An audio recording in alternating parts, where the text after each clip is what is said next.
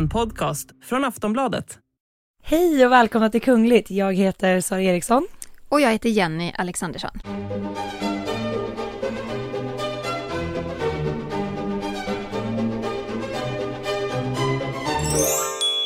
Den här veckan så ska vi spela in ett avsnitt där vi bara svarar på era lyssnarfrågor. Vi får in frågor från er hela tiden och det är ju helt fantastiskt. Ja men det är jätteroligt. Alltså många av de här frågorna är det ju många som ställer. Alltså en viss fråga är det ju många som ställer. Mm. Så nu ska ni verkligen få svar. Och tack för att ni skickar in frågor. Fortsätt gärna och gör det.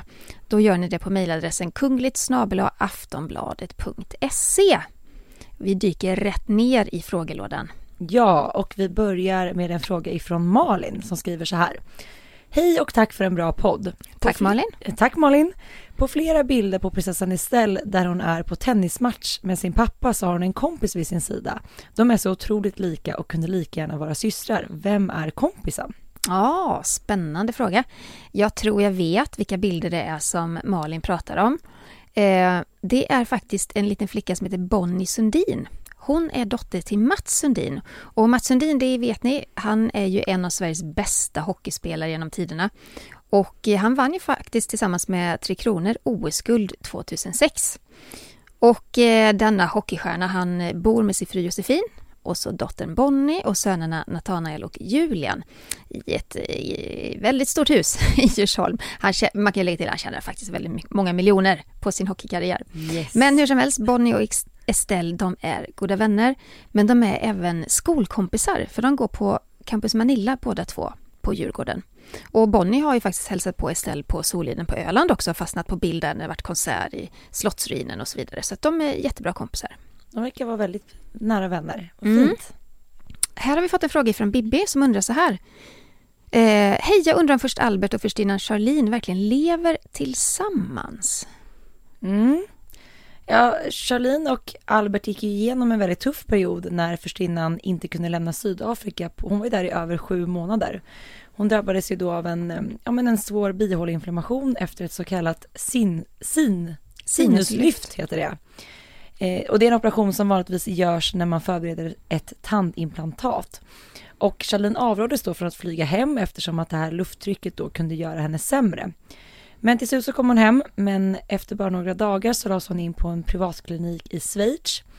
Och eh, det sades bland annat att hon drabbats av en utmattning. Men nu är hon ju hemma och eh, ja, men så vitt vi vet Jenny så bor ju hon med Albert och barnen i palatset.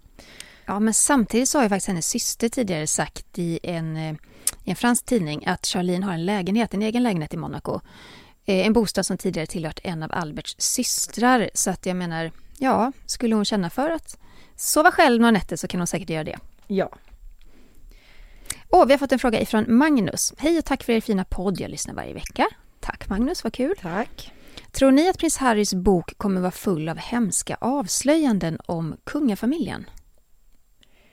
Jag tror absolut att kungafamiljen är ganska så stressade och nervösa inför det här boksläppet. Jag tror inte att de har fått någon chans att läsa eller ta del av den innan den släpps. Och eh, prins Harry själv har ju varit väldigt tydlig med att i den här boken så kommer han att ge sin version av allting. Eh, det känns som att den kommer vara väldigt ärlig och det är klart att det kommer säkerligen att avslöjas detaljer eh, väldigt detaljerat kring hur han har upplevt händelser i sitt liv och ageranden. Så att ja, jag tror att vi kommer få ta del av många avslöjanden. Vad tror du Jenny? Nej, jag tror lite tvärtom. Jag tror att den här boken kommer så här dimpa ner som en stor besvikelse. Åh nej! Jo, för jag tror att eh, prins Harry blev väldigt skärrad av drottningens död och an- att hans pappa nu är kung av Storbritannien och samväldet. Att eh, rollerna har förändrats, situationerna har förändrats. Vi vet ju att han faktiskt eh, pushade på att flytta fram utgivningen av boken flera gånger. Och nu tror jag att man har sagt 10 januari eller något liknande för Och att han utgivningen. vill göra ändringar i boken. Att han ville göra Mm. ändringar. Så att jag tror faktiskt att det kommer vara så här, visst, vi kommer få se hans sida av saken, av kanske Megxit och, och så vidare. Men jag tror att den kommer vara ganska slätstruken. Inga stora avslöjanden. Ja, det ska bli väldigt spännande att få ta del av den här boken. Mm. Mm. Vi har fått en fråga ifrån Tilde som skriver så här. Vad händer om Estelle är homosexuell och vill leva med en kvinna? Får hon avsäga sig sin plats i tronföljden då? Ja, men den här frågan har vi fått då och då eh, genom åren. Eh, och folk tycker att det är jättespännande. Och det ligger ju i tiden såklart. Svaret är nej. Hennes eh, sexualitet påverkar inte hennes plats i tronföljden. Det är ju ändå så här att kungafamiljen följer ju samma lagar som, som resten av oss gör. Och det är helt tillåtet att gifta sig som homosexuell, man kan göra det i kyrkan. Och göra det i kyrkan, det måste ju Estelle göra som, som blivande drottning. Och det är helt okej. Eh, jag pratade ju med riksmarskalken om det här för en tid sedan, kan det vara ett par år sedan? Eh, ja, hur som helst. Och han var väldigt ärlig med det, att det gäller för Estelle på samma sätt som för alla andra i det här landet, att eh, det är helt okej mm. att vara homosexuell och kunglig. Och det är ju bara så självklart att ja. det ska vara så. Men jag förstår att folk undrar för att innan har man inte pratat om det så mycket när det gäller de kungliga. Så jag förstår att folk ställer frågan. Ja, verkligen. Milou frågar så här. Hej, jag lyssnar på varje avsnitt av podden. Den är både bra och informativ. Tack Milou. Jag undrar vem ni gillar bäst av de kungliga familjemedlemmarna?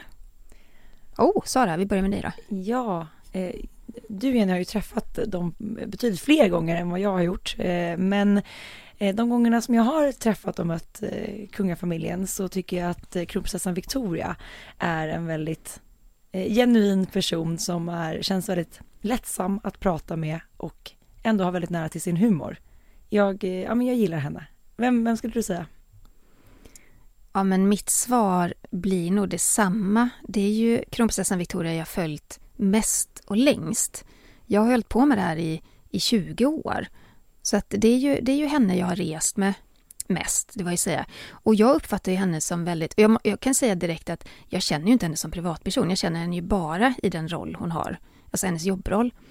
Eh, och i den rollen så är hon ju otroligt tillmötesgående, väldigt varm och vänlig. Hon är en sån person som inte gör skillnad på folk och det kan jag verkligen uppskatta. Mm eh, ska man ha ett sånt framtida jobb som hon, som hon ska ha, då, då är det verkligen det är väldigt bra egenskap. Men sen är jag också väldigt förtjust i drottning Silvia och har nog blivit det mer och mer senaste åren tror jag, för att det finns något otroligt sympatiskt med henne.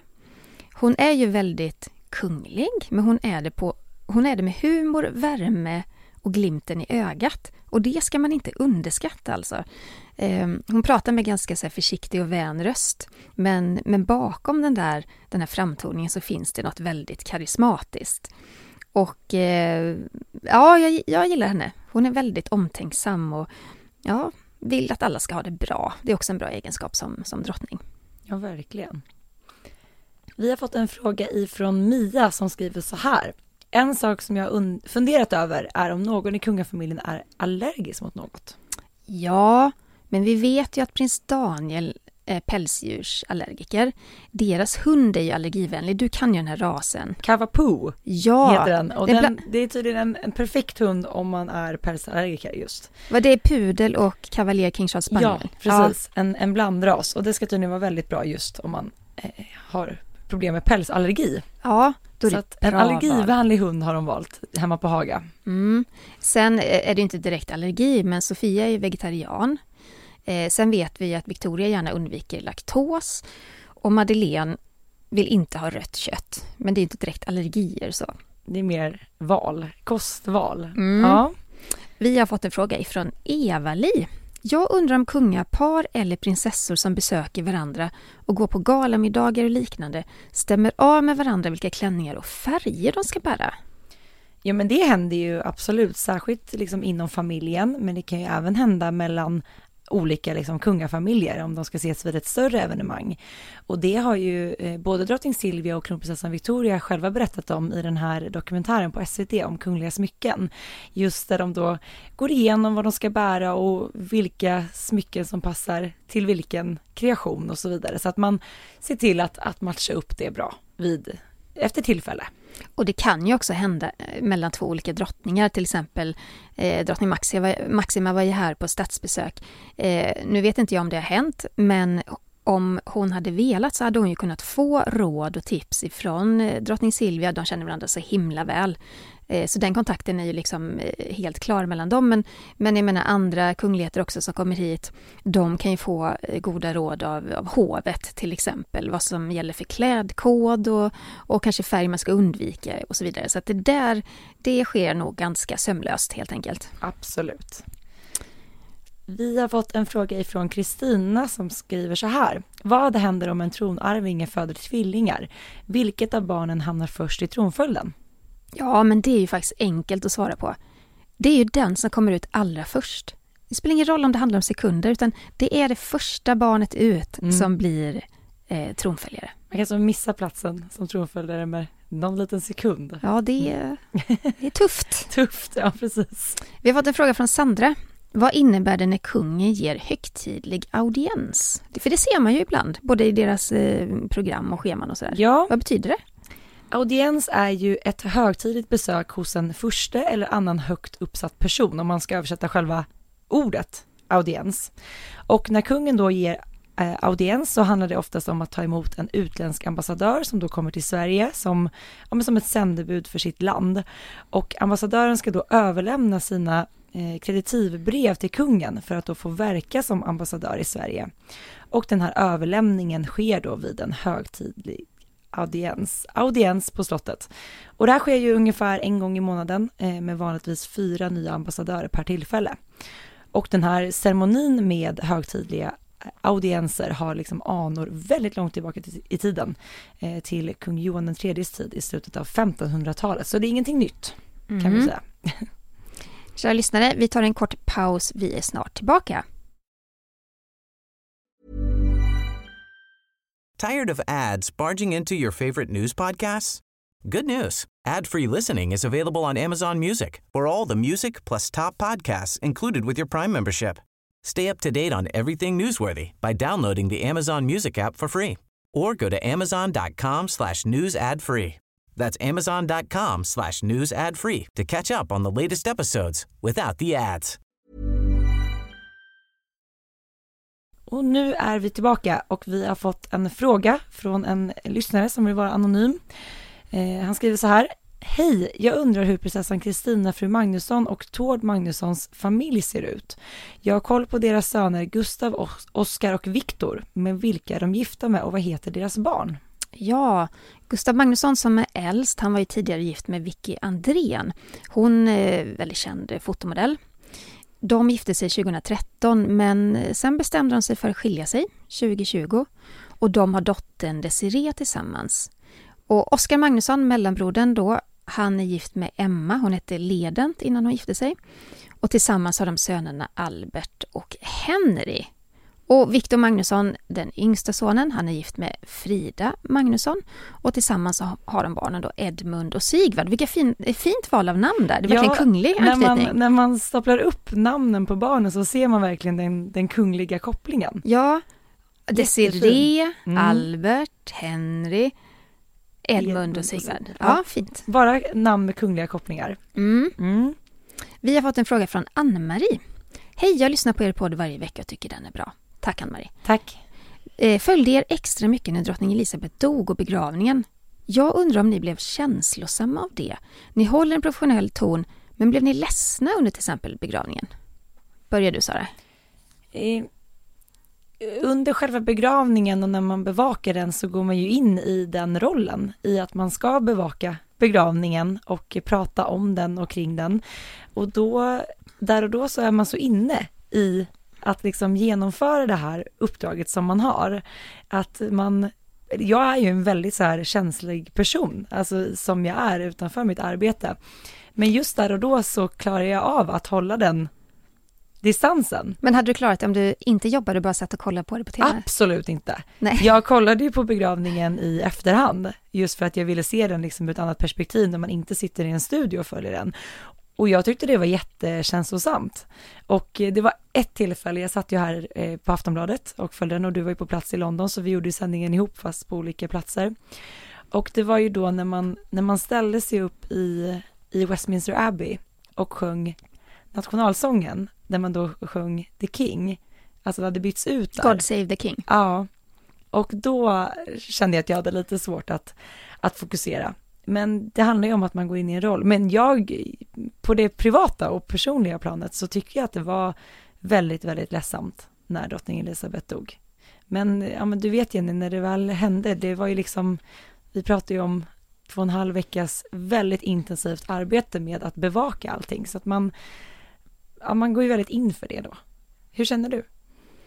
Nej, men jag var ju på plats i London och när man är i den rollen så är man så himla mycket journalist. Mm. Och då tar man på sig den här jobbmasken och man kör. Och sen också i och med att jag var på plats i London så såg jag ju inte, jag såg ju inte själva begravningen utan vi gjorde hela tiden reportage kring människor som var på plats. Eh, vi gjorde tv-sändningar och korta inslag och sådär. Eh, det hade kanske varit annorlunda om jag suttit och följt den minut för minut hela tiden. Eh, för det var ju väldigt pampigt och sådär. Men jag tror också att det här pampigheten blev ett skydd. För eh, jag, jag, skulle nog haft mycket svårt att hålla masken och inte bli ledsen om det hade varit otroligt familjärt eller otroligt känslosamt eller mycket tårar. Eh, alltså man har ju, jag har ju varit på begravningar och det är, även om det är en person som jag inte står jättenära som är som blir begravd så tycker jag det är fruktansvärt. Jag blir djupt berörd av det där.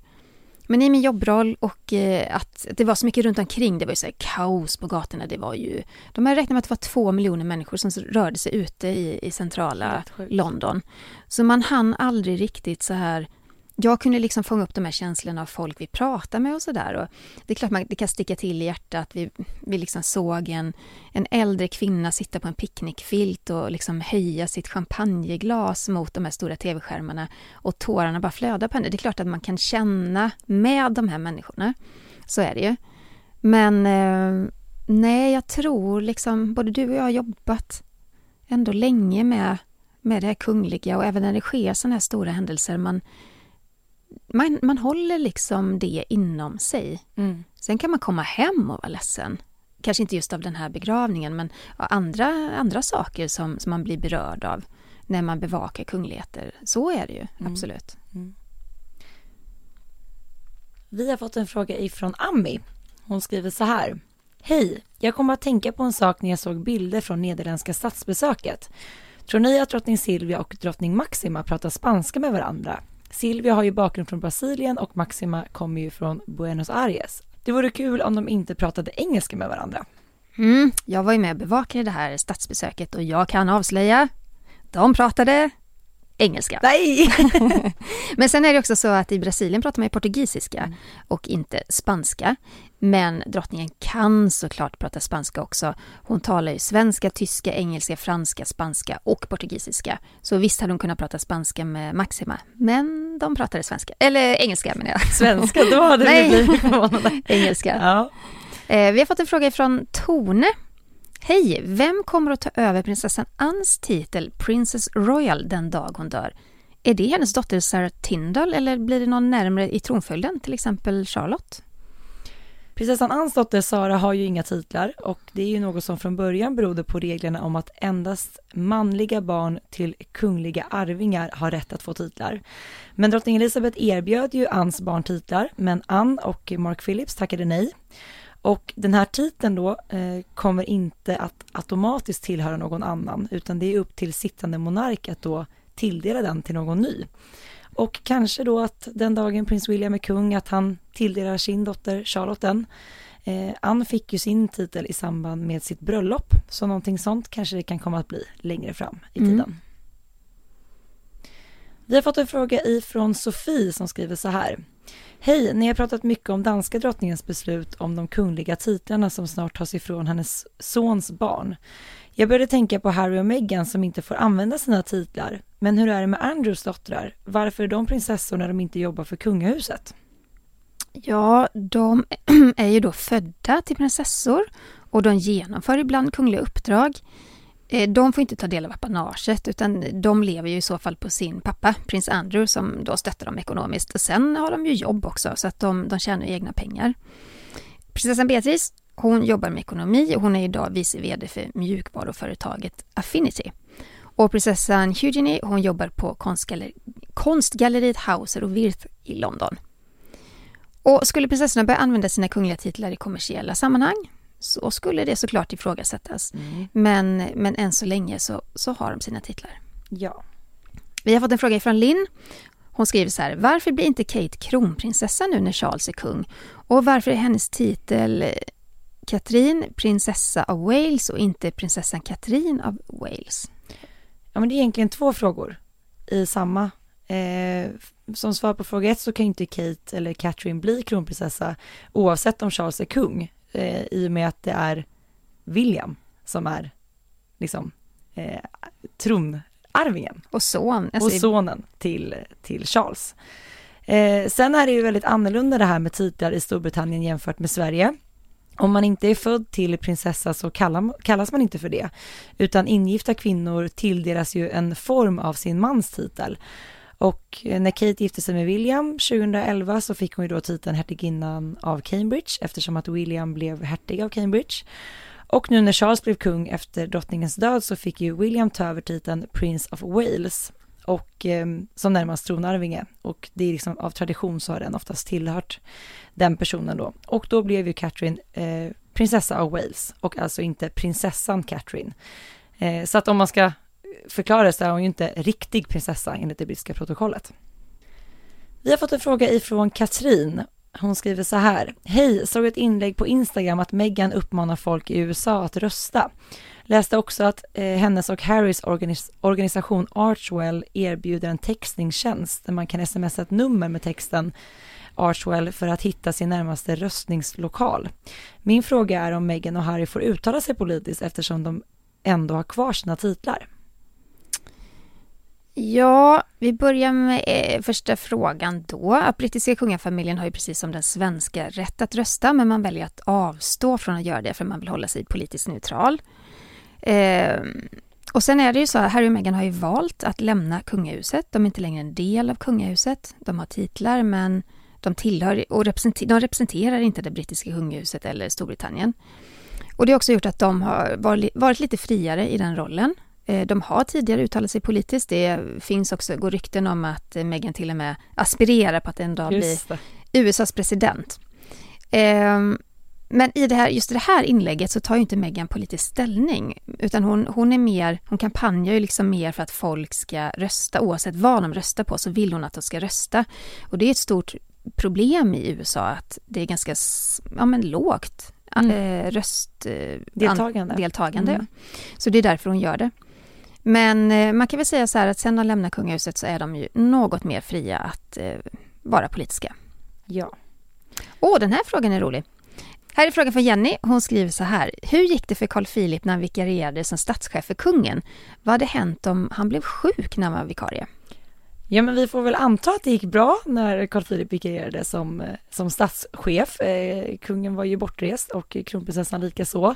Och eh, med tanke på att ingenting eh, stort kan man väl säga hände så behövde han ju kanske inte riktigt agera i den rollen. Det var inte så att, att Carl Philip kanske tog några möten där som kung, eh, vikarierande kung under den veckan, utan det är ju att han tillsattes ifall någonting skulle hända.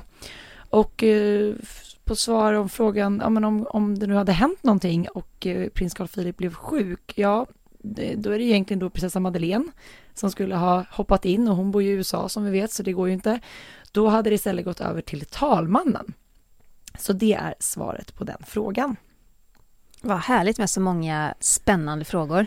Ja, ni får jättegärna skicka in fler frågor till oss. Gör det. Skriv till kungligt aftonbladet.se. Vi närmar oss slutet, Sara. Vill ni ha dagliga uppdateringar om kungligheter så kan ni följa oss på sociala medier. Var hittar man dig?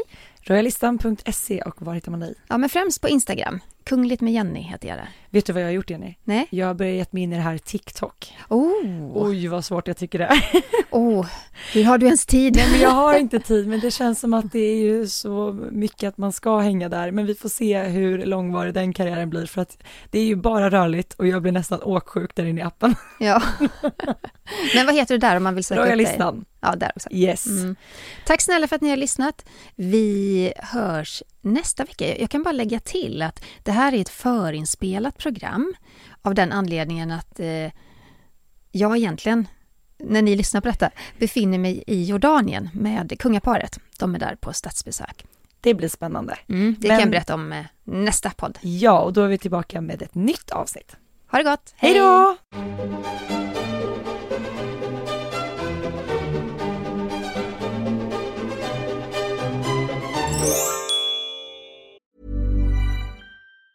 Tired of ads barging into your favorite news podcasts? Good news. Ad-free listening is available on Amazon Music for all the music plus top podcasts included with your Prime membership. Stay up to date on everything newsworthy by downloading the Amazon Music app for free or go to amazon.com slash news ad free. That's amazon.com slash news ad free to catch up on the latest episodes without the ads. Du har lyssnat på en podcast från Aftonbladet. Ansvarig utgivare är Lena K Samuelsson.